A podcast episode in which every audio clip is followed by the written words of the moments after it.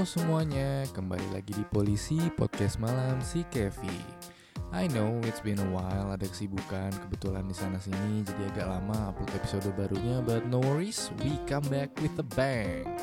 Bintang tamu gue kali ini dia seorang teman gue juga satu kampus bahkan satu fakultas di UI. Nah setelah dia jadi sarjana dia berkarya dan menghasilkan karya yang luar biasa. He's the man behind tempat bercakap. Yes, you guessed it right. Tamu gue kali ini adalah Andre Banyudoyo atau lebih sering gue panggil Don. Nah, bermula dari tempat bercakap, di akhirnya buat kerajaan lainnya nih, seperti bercakap right dan bercakap kopi di bilangan Kelapa Dua Depok.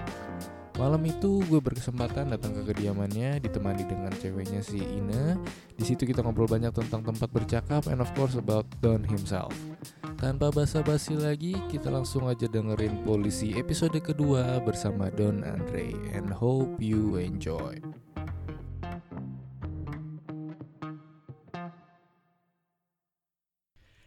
Andre Banyudoyo, apa kabar bos? baik baik. Yo, baik lu sekarang dina dinamain Andre apa Don sih? Gue gue panggil Don aja ya. Nah, kalau sebenarnya kan Don itu nama panggung gue doang ya. Oh, Tapi gitu. kalau misalnya untuk sehari-hari ya gue lebih seneng dipanggil Andre. Oh. Gitu. Terus kalau ini, ini buat teman-teman yang mungkin belum tahu, Andre Don teman kuliah. Temen kuliah sama gue kalau lihat muka si Kev ini inget zaman kita di Bali Kev. Yoi, ada cerita itu apa sih? definisi yang wild and free itu. Jadi Nah, dulu gue kenal si Kev ini eh gak sih itu sebenarnya udah udah gue kenal Udah dari lama. lama. cuma pas udah tahun Liburan. keempat kita kuliah itu gue ketemu Kevi waktu lagi di Bali gue selesai kerja dia selesai kerja dia ngejemput gue naik motor. Hmm. Sam somehow motor ini ada suaranya. Jadi motornya tuh bisa muter MP3 itu keren banget sih gue gak bohong. Sepanjang jalan diputer sama dia Kalah kalahin Jagio MP3 beneran ya? tapi gak ada rodanya tiga. Ini MP3 beneran. aneh aneh aneh. Oke oke serius jadi gini jadi gue mau kenalin dulu. Eh, siapa gue gue Yoi, Sabi. Andre Banyodoyo gue adalah orang di balik tempat bercakap. Kalau teman-teman semua Yes. di sini pendengar ada yang tahu tempat bercakap itu apa kalau yang belum tahu gue bakal ngejelasin. Jadi tempat bercakap itu adalah sebuah platform di Instagram eh, tentang audiovisual ngerepresentasi sebuah tempat. Di dalamnya ada orang lagi cerita-cerita galau nangis atau bahkan cuma cerita tentang tempat itu sendiri dan ya emang growthnya tempat bercakap ini termasuk cepat. Karena dalam waktu setahun kita bisa mencapai 954 ribu followers. Jadi Gila. jasa apa namanya? Jasa followers. ini kenceng. Jadi emang bagus. Kebetulan gue beli terpercaya nih. Jadi ya udahlah ya kan? Trusted tuh ya. iya. Boleh deh gue buat podcast gue. lumayan pak. 10 juta tapi yang nonton yang komen cuma dua gitu Aduh, Don. Gue bingung sebenarnya kalau podcast sama lu banyak banget sebenarnya bisa Oke. lu bahas. Ini aja deh lu sibuk apa sih sekarang? Selain tempat bercakap pasti lu kuliah juga Mm-mm. S1 eh S2. S2 sekarang jadi eh ya tadi ya gue temen S1 sama Kevi dia sastra Prancis gue sastra Jerman terus akhirnya gue memutuskan untuk lanjut ke eh, S2 juga di UI tapi ngambil kesejahteraan sosial karena di UI itu udah nggak ada sastra lagi S2 nya nah akhirnya gue ngambil di kesejahteraan sosial eh, sampai sekarang itu gue masih fokus di tempat bercakap gue masih ngerjain kontennya tiap hari masih ngerjain apa namanya visualnya audionya dan lain-lain. Intinya gue masih ngerjain lah ya untuk kreatifnya jadi sibuk gue di situ. Di satu sisi emang gue juga punya kesibukan untuk eh, kuliah. Kuliahnya karena gue kemarin itu cuti masa cutinya udah habis karena kan S2 cuma Iya. setahun udah selesai ya udah sekarang gue udah fokus fokus balik ke UI lagi ngerjain jurnal internasional itu Tapi Hmm. pertanyaan gue gini Don, Hmm. kenapa kuliah lagi? Maksud gue, lo dengan tempat bercakap aja sebetulnya udah cukup lah ya. Maksudnya gue nggak tahu sih dari Hmm. si- sisi pribadi lo coba kenapa kuliah lagi? Apa sih yang lo cari dari kuliah lagi gitu S2 ini sebenarnya kalau gue jawab pakai pakai filosofi emang agak panjang ya cuma santuy. gini gue kadang bertanya-tanya sama diri gue pribadi ngapain sih gue kuliah terus gitu Da- sampai kalau orang-orang lihat tempat bercakap itu lihat captionnya kok isinya teori semua Hmm. padahal jawabannya adalah karena emang yang membentuk tempat bercakap selain dari visualnya itu emang mulainya tuh dari teori Kev Oke. teori-teori yang gue pelajari di kampus gue bawa ke dalam captionnya tempat bercakap biar orang-orang ya gini gue pengen mencerahkan orang-orang dengan teori gitu Oke. Eh, prinsipnya kenapa gue belajar lagi karena semakin tinggi ilmu atau semakin tinggi jam belajar lo tidak membuat lo menjadi lebih baik daripada orang lain tapi Hmm. menjadi lebih bijak Oke. dalam mengambil keputusan artinya lo mempertimbangkan memperhitungkan sebuah hal itu nggak cuma iya atau tidak tapi lo bisa explanation dengan apa dengan teori-teori itu ya contohnya kayak gini deh terjadi perselingkuhan antara remaja Hmm. kalau misalnya Kirain antara lo dan Oh enggak enggak enggak. Nah kalau misalnya kita melihat kan kenapa selingkuh ya udah karena si cowok suka sama cewek lain atau si cewek suka sama cowok lain Yes. simpel. Tapi kan gue bisa menjelaskan menjabarkan itu dengan teori. Yoi. Bagaimana cara mencegahnya, bagaimana cara apa namanya berisik lagi nih. Bagaimana cara mencegahnya, bagaimana cara eh, terhindar dari perselingkuhan itu. Itu enak banget pak bermain dengan teori itu kayak lu main game dan lu dan lu bisa milih sendiri game itu apa lu mau ngambil teori dari psikologi Yoi. dari filsafat Yoi. lu mau ngambil teori dari sastra pun itu bisa itu jadi kayak nggak tahu ya gue sih setiap malam selalu em, sebelum tidur tuh pasti gue baca-baca artikel-artikel di web gitu ya tentang teori-teori kan UI kan ngelang apa eh, ngelanggan gratis situs jurnal internasional Mm-mm. tuh jadi kita bisa baca-baca kadang-kadang gue nggak bacain itu ya terus kilas sekedar gue kayak ngebaca tentang Sunda Empire atau apa nggak tapi gini tapi itu Lu, lucu lu bisa kage lu bisa kage bunshin gak sih? itu lucu itu lucu tapi gue bisa menjelaskan gitu secara psikologis si orang ini nih kenapa sih sebenarnya Oke. si Sunda Empire terus Keraton Agung itu segala macam Iya, ya Iya. intinya itu sih jadi sibuk gue sekarang ya masih sekilas untuk berpikir dan mencari cuan Ca- Gitu. Tetep ya cuan. Tetep, Oke, tetep. sekarang kalau dari penjelasan lu kalau gue bilang lu orang yang idealis setuju nggak? setuju Setuju banget ya? setuju banget Ada pepatah gini Don, idealisme adalah kemewahan terakhir yang hanya dimiliki oleh pemuda. Hmm. Setuju. oleh pemuda Yes. oleh pemudanya yang sebenarnya gue nggak setuju tapi idealis itu adalah kemewahan oleh sese- seorang individu gue setuju tapi kalau lebih ke orang- individu ya, nggak maksudnya nggak berarti nggak mandang umur, nggak mandang mandang gender umur, apa segala macam. cuma emang ketika muda itu se- seorang itu dipaksa untuk mencari idealisnya dia sekuat mungkin Oke. karena apa idealis itu sekali lu udah lewat umur 30 tahun biasanya biasanya ya idealis itu susah banget buat berubah pak Hmm. mau lu kayak gimana biasanya Kalah ya. benar susah jadi ya gue setuju pada idealis itu adalah kemewahan yang dimiliki oleh seorang individu Oke. Terus balik lagi Don ke tempat bercakap terus gue pengen tahu sebenarnya awalnya tuh gimana sih maksudnya kayak lu modal iseng-iseng doang apa emang udah lu rencanain terus atau kayak lu iseng-iseng tahu-tahu blow up apa gimana sih?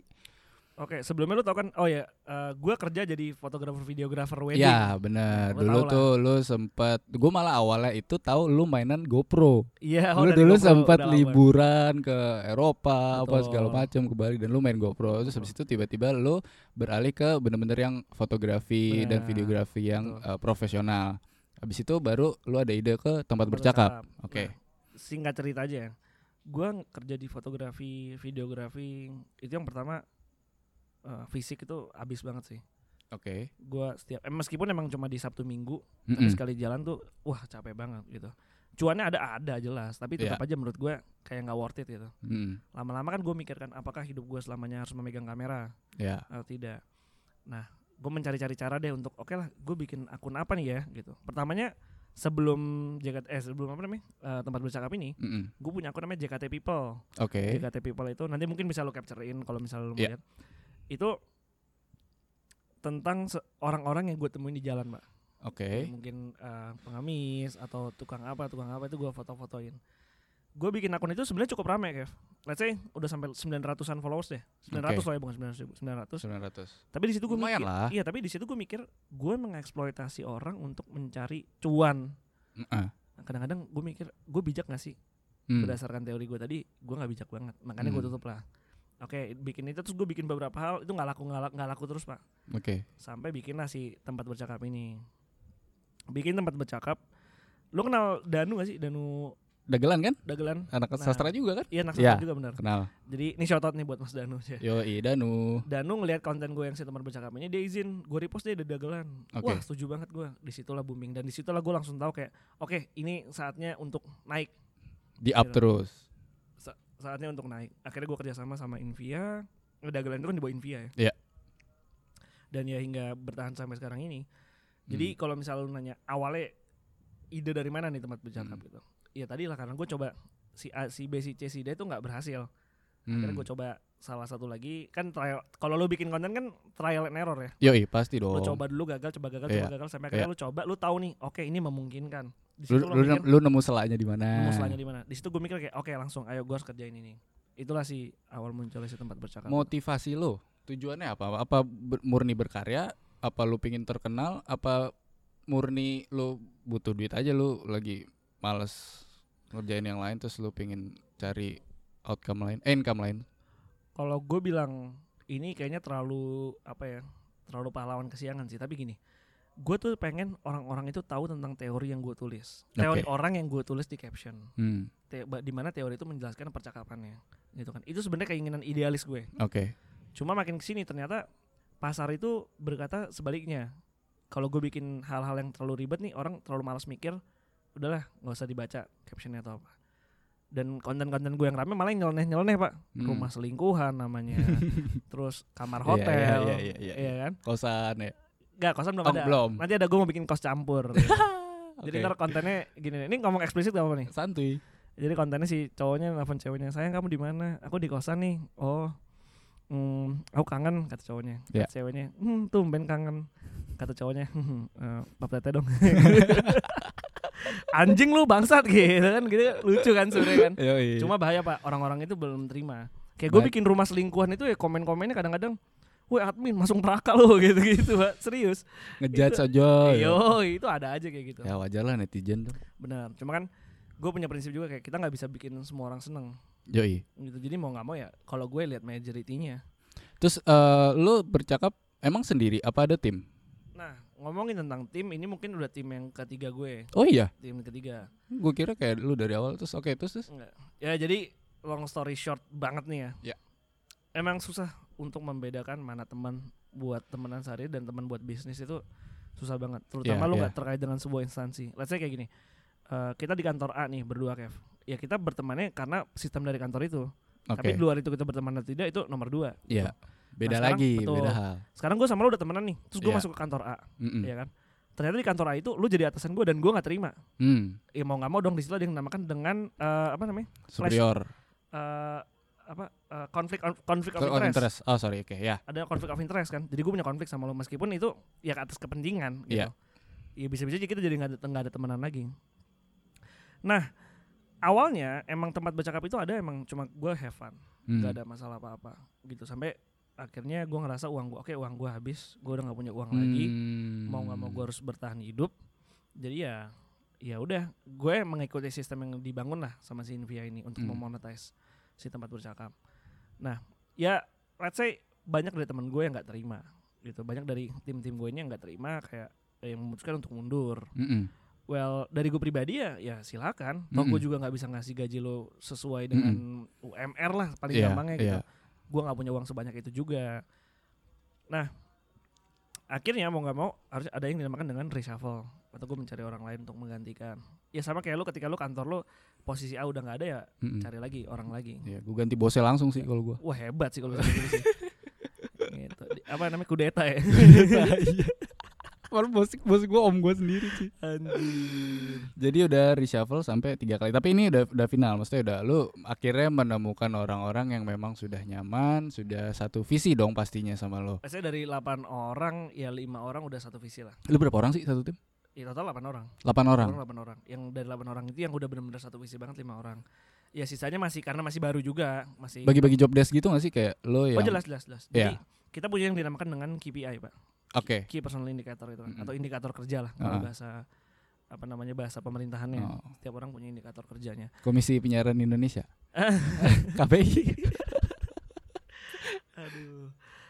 Eh, karena adanya si reshuffle ini dan ada beberapa orang yang baru, gue harus menyesuaikan kan. Mm-mm. Mereka pun juga harus menyesuaikan. Di Yes. situlah kita perlu waktu untuk ngeblend. Nah, jujur itu nggak gampang banget, Kev. Ketika ternyata lu memiliki interest yang berbeda gitu. Mm-mm. S- Apa secara teorinya ketika lu memiliki interest yang berbeda, lu nggak butuh seragam tapi lu butuh eh lu nggak butuh disamaratakan tapi lu butuh seragam yang berbeda-beda. Iya. Nah, susahnya adalah gua di sini juga harus jadi HR juga, harus Mm-mm. jadi akuntan juga dan gua harus jadi kreatif juga. Di mana yang di mana orang kreatif itu biasanya nggak bisa bisnis dan orang bisnis biasanya nggak bisa kreatif bisa tapi nggak full gitu loh maksud gua nah di situlah yang gue titik berat gue kayak oke gue harus beberapa job gue kerjain gitu multitasking, Hmm. multi job juga. kalau kalau dibilang kita ngomongin ini ya kita ngomongin cuan ya wah Iya, ada iya. banget sini ada banget cuannya cuma Hmm. tetap aja lu harus tiap hari lu harus mikir gimana cara sistem ini berhasil gitu. Selain kreatif, maksudnya lu juga ya itu lagi apa s- manajemennya, Benar. sistemnya juga lu harus pikirin kan. betul Nah, terus kalau masalah tempat bercakap tadi lu udah lu singgung uh, out to Danu bisa blow up, mungkin salah satunya alasannya adalah dari dagelan. Hmm. Tapi kalau gue bilang gini Don, banyak orang-orang kita ya, orang-orang Indonesia khususnya anak-anak remaja itu ngerasa bisa apa ya, ada koneksi gitu loh dengan konten-konten lo. Jadi.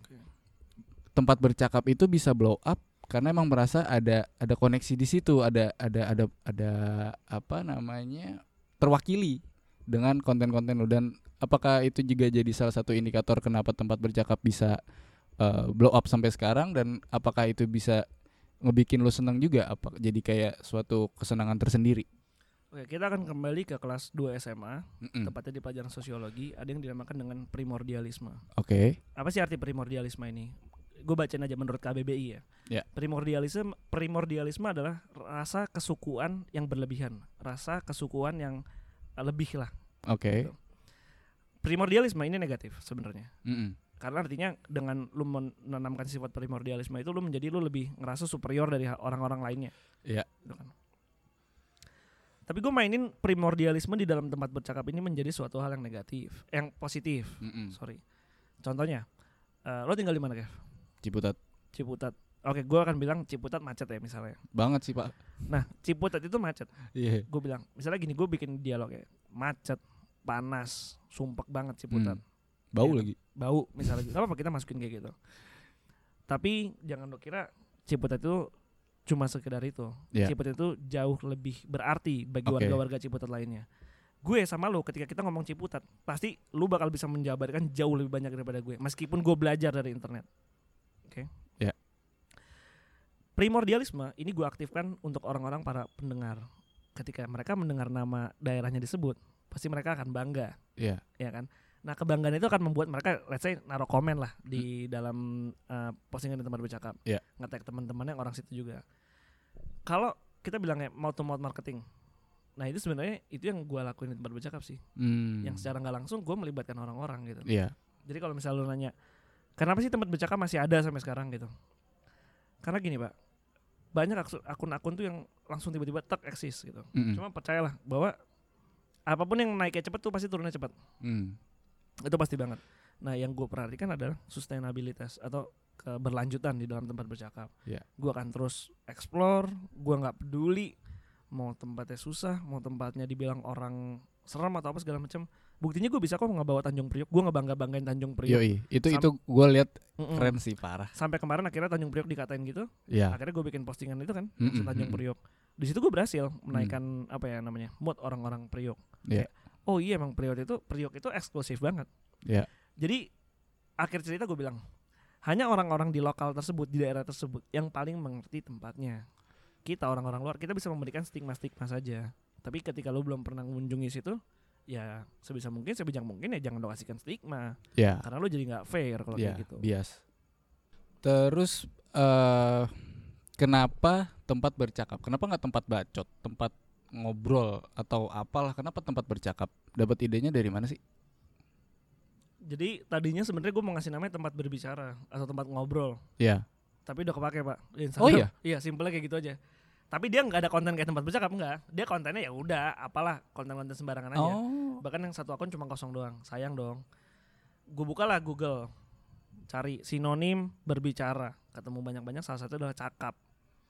Tadi gue bilang tempat cakap bisa, tapi kan kalimatnya nggak perfect, Yes. ya kan? Jadi kalimat apa ya? Elips namanya kalau nggak salah. Jadi Gila, Yaudah, kita anak kasih- kita kasih- sih emang. kita kasih apa sih? Sufiks eh infi- depan infix Iya. s- eh, ber gitu. Jadi bercakap, ya tempat bercakap. Jadi di dalamnya eh di dalamnya ada sebuah tempat yang ada percakapan.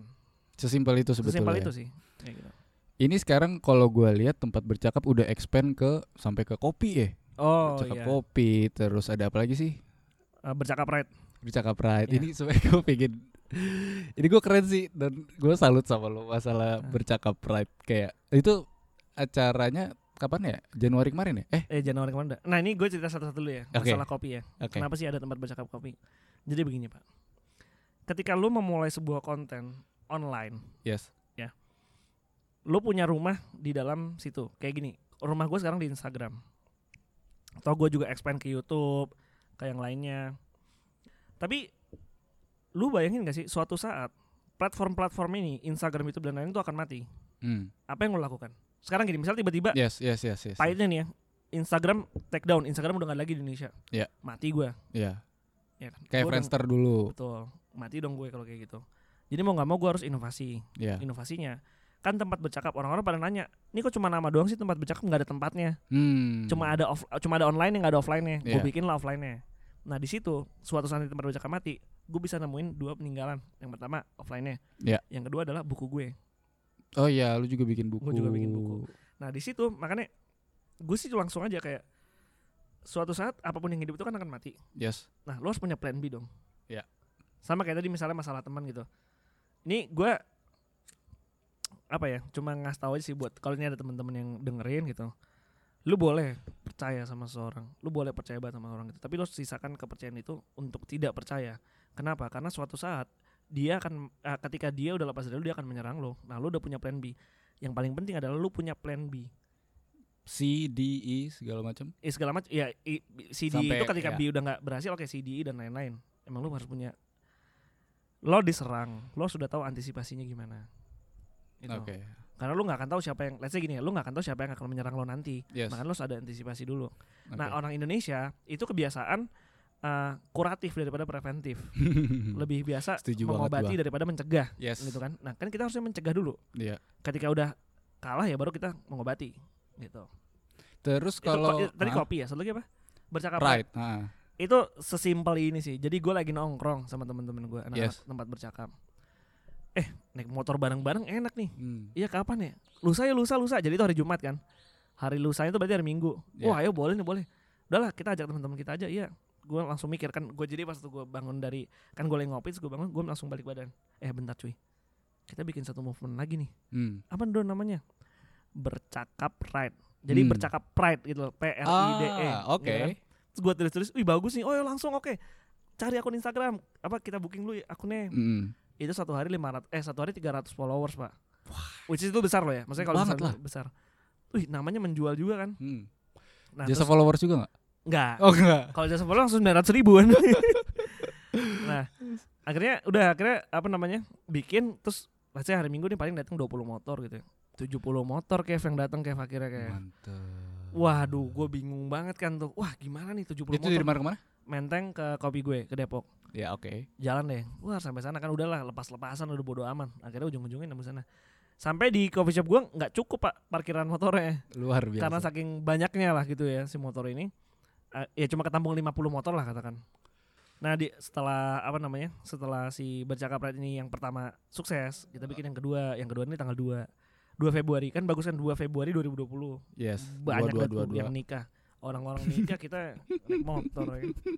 Tapi gini Hmm. dan gue entah kenapa emang otak gue emang udah rusak apa gimana? Gue ngelihat bercakap right itu anjing. Tau nggak yang pertama kali terbesit di otak gue? Apa? Si Don marketingnya bangsat. Maksud gue gini, lu eh dari mana tujuan awalnya? Eh, menteng Menteng. Ujungnya ke mana? coffee shop gue Coffee shop lu. Iya.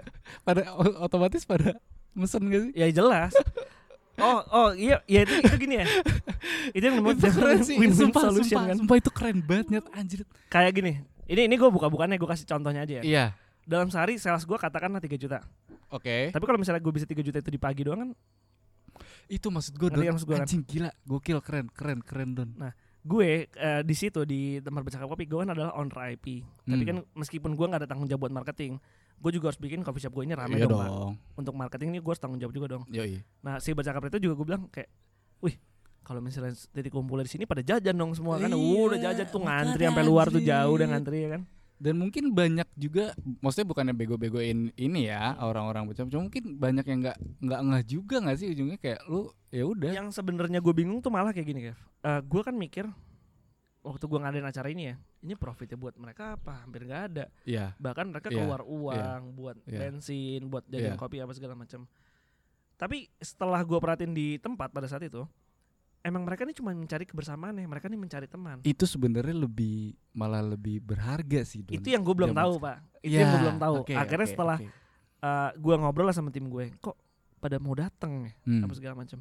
Ya iya bang, pertama kan ini eventnya kan lu punya nama nih tempat bercakap satu, yang kedua di sini eh, ya gimana ya, gue nggak rangkul semua motor pak, itu yang jarang. Jadi riding ridingnya semua motor kan gue mau dari Vespa ada, Hmm. motor jadul ada, ada yang bawa Honda 70 tuh dari Cikarang pak, bener-bener dari. Cikarang, berangkat jam 5 pagi sampai Taman Menteng jam 8 Hebat. Nah, hal-hal kayak gitu yang sebenarnya gue wah ini power nih. Ini bisa nih kita arahin sesuatu bahkan sekarang gue udah mikir kayak oke lah kan sekarang tempat bercakap tuh monetisnya udah jelas ya cuannya udah jelas.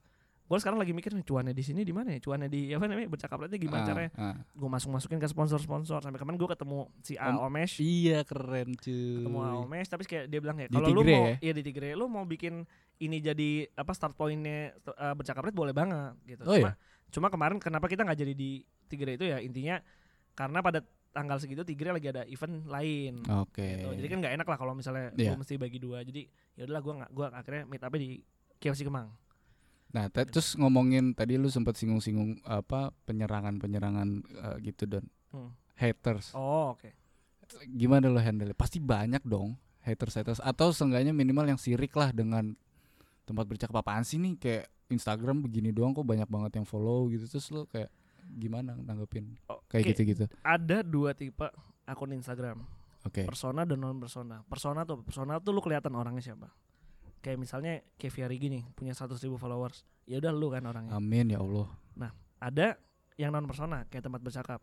Hmm. nggak kelihatan siapa orang di baliknya. Tapi kadang-kadang gue sering live dan apa segala macam. Tapi gue tidak menjual gue pribadinya. Iya, Gue menjual si tempat bercakapnya. brand lo. Jadi ketika orang nge-hate itu pasti nge-hate konten, nggak ada nge-hate gue secara pribadi. Gitu. Mm-mm.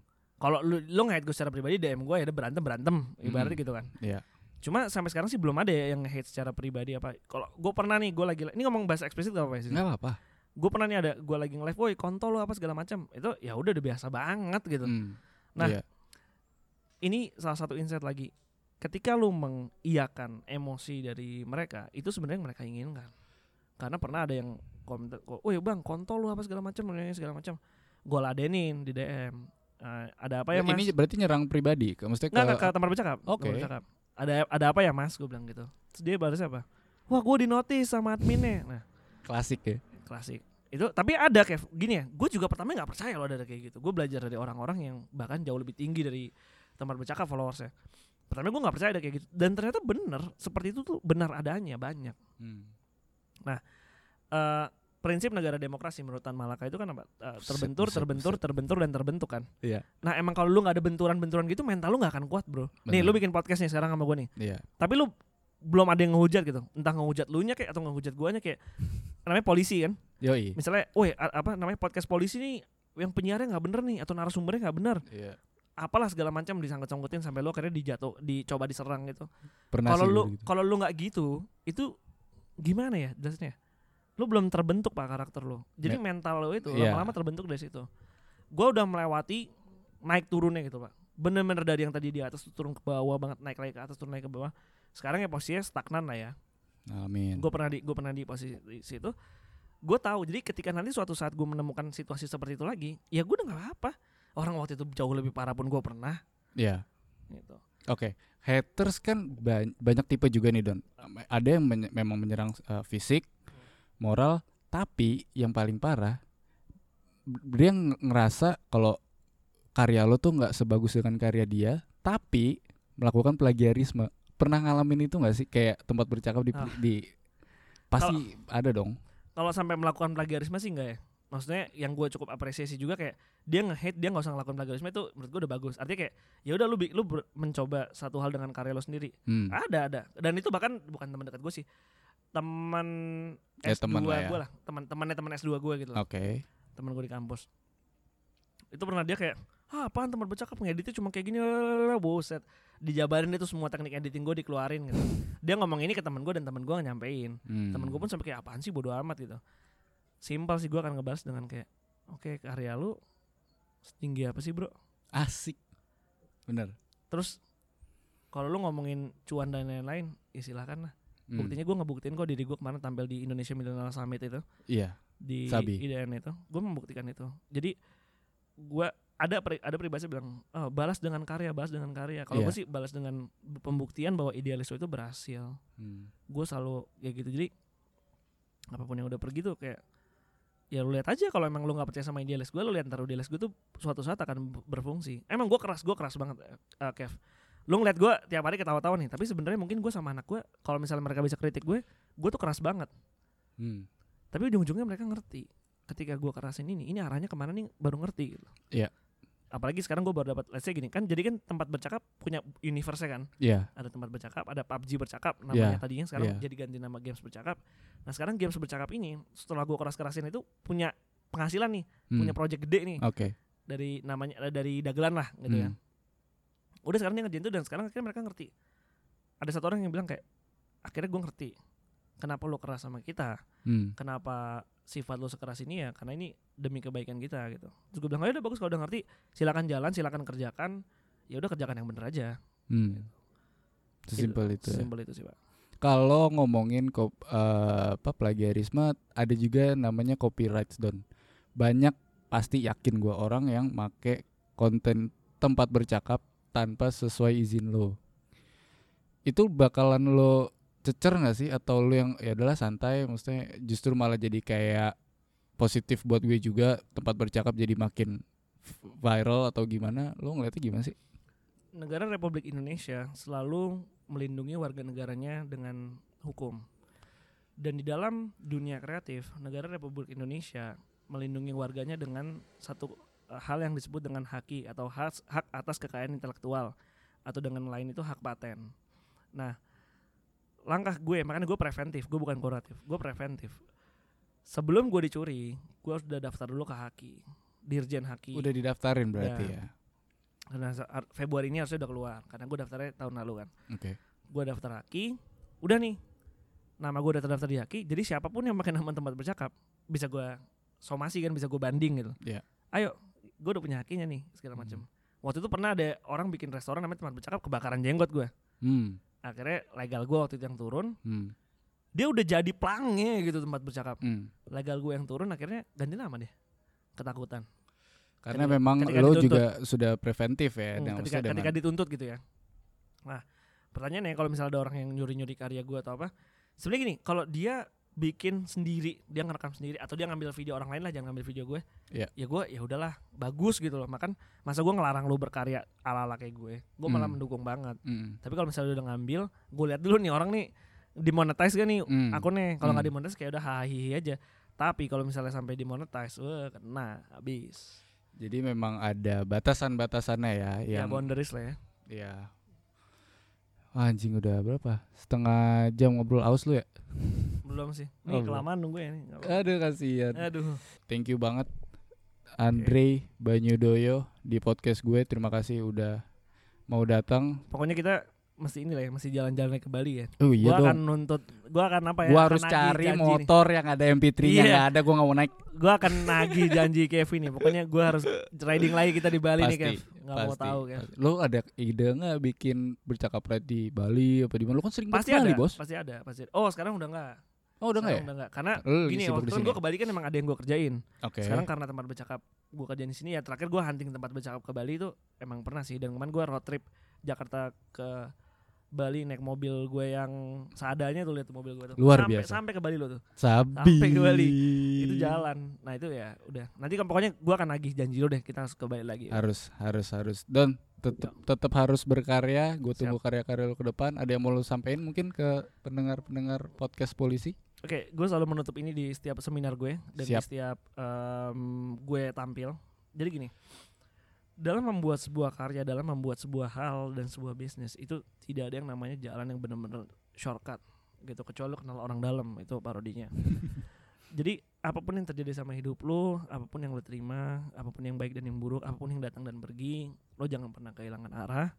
Tetap ada idealis lo, tapi idealis juga harus realistis. Yang pasti jangan lupa bahagia.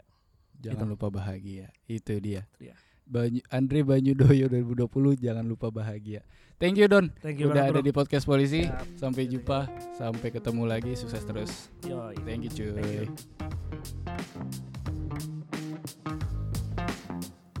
Gimana? Gak disangka-sangka ya ternyata di balik keseruan yang terlihat dari sisi luar Don ini orangnya cukup idealis tapi realistis juga Masih gak nyangka sih sebenarnya karena terus terang gue pun baru pertama kali lihat sisi lain dari diri dia ini ya di podcast polisi ini Dari Don gue belajar banyak bahwa menjadi diri sendiri itu sangat amat penting untuk kesehatan mental dan badan kita Dan tentunya untuk menghajar masa depan yang jauh lebih baik dari hari ini Jangan lupa bahagia. Well said, man. It's an honor to have you here on my podcast, Don. Kita harus jalan-jalan bareng lagi pastinya. Sukses terus untuk tempat bercakap dan ditunggu karya-karya lainnya. Buat teman-teman, ditunggu episode berikutnya karena next kita bakal ada bintang tamu yang juga nggak kalah menarik. So make sure kalian follow podcast polisi di platform podcast kesayangan kalian, baik itu Spotify, Anchor, Apple Podcast, you name it. Thanks for listening and stay awesome guys. Good night.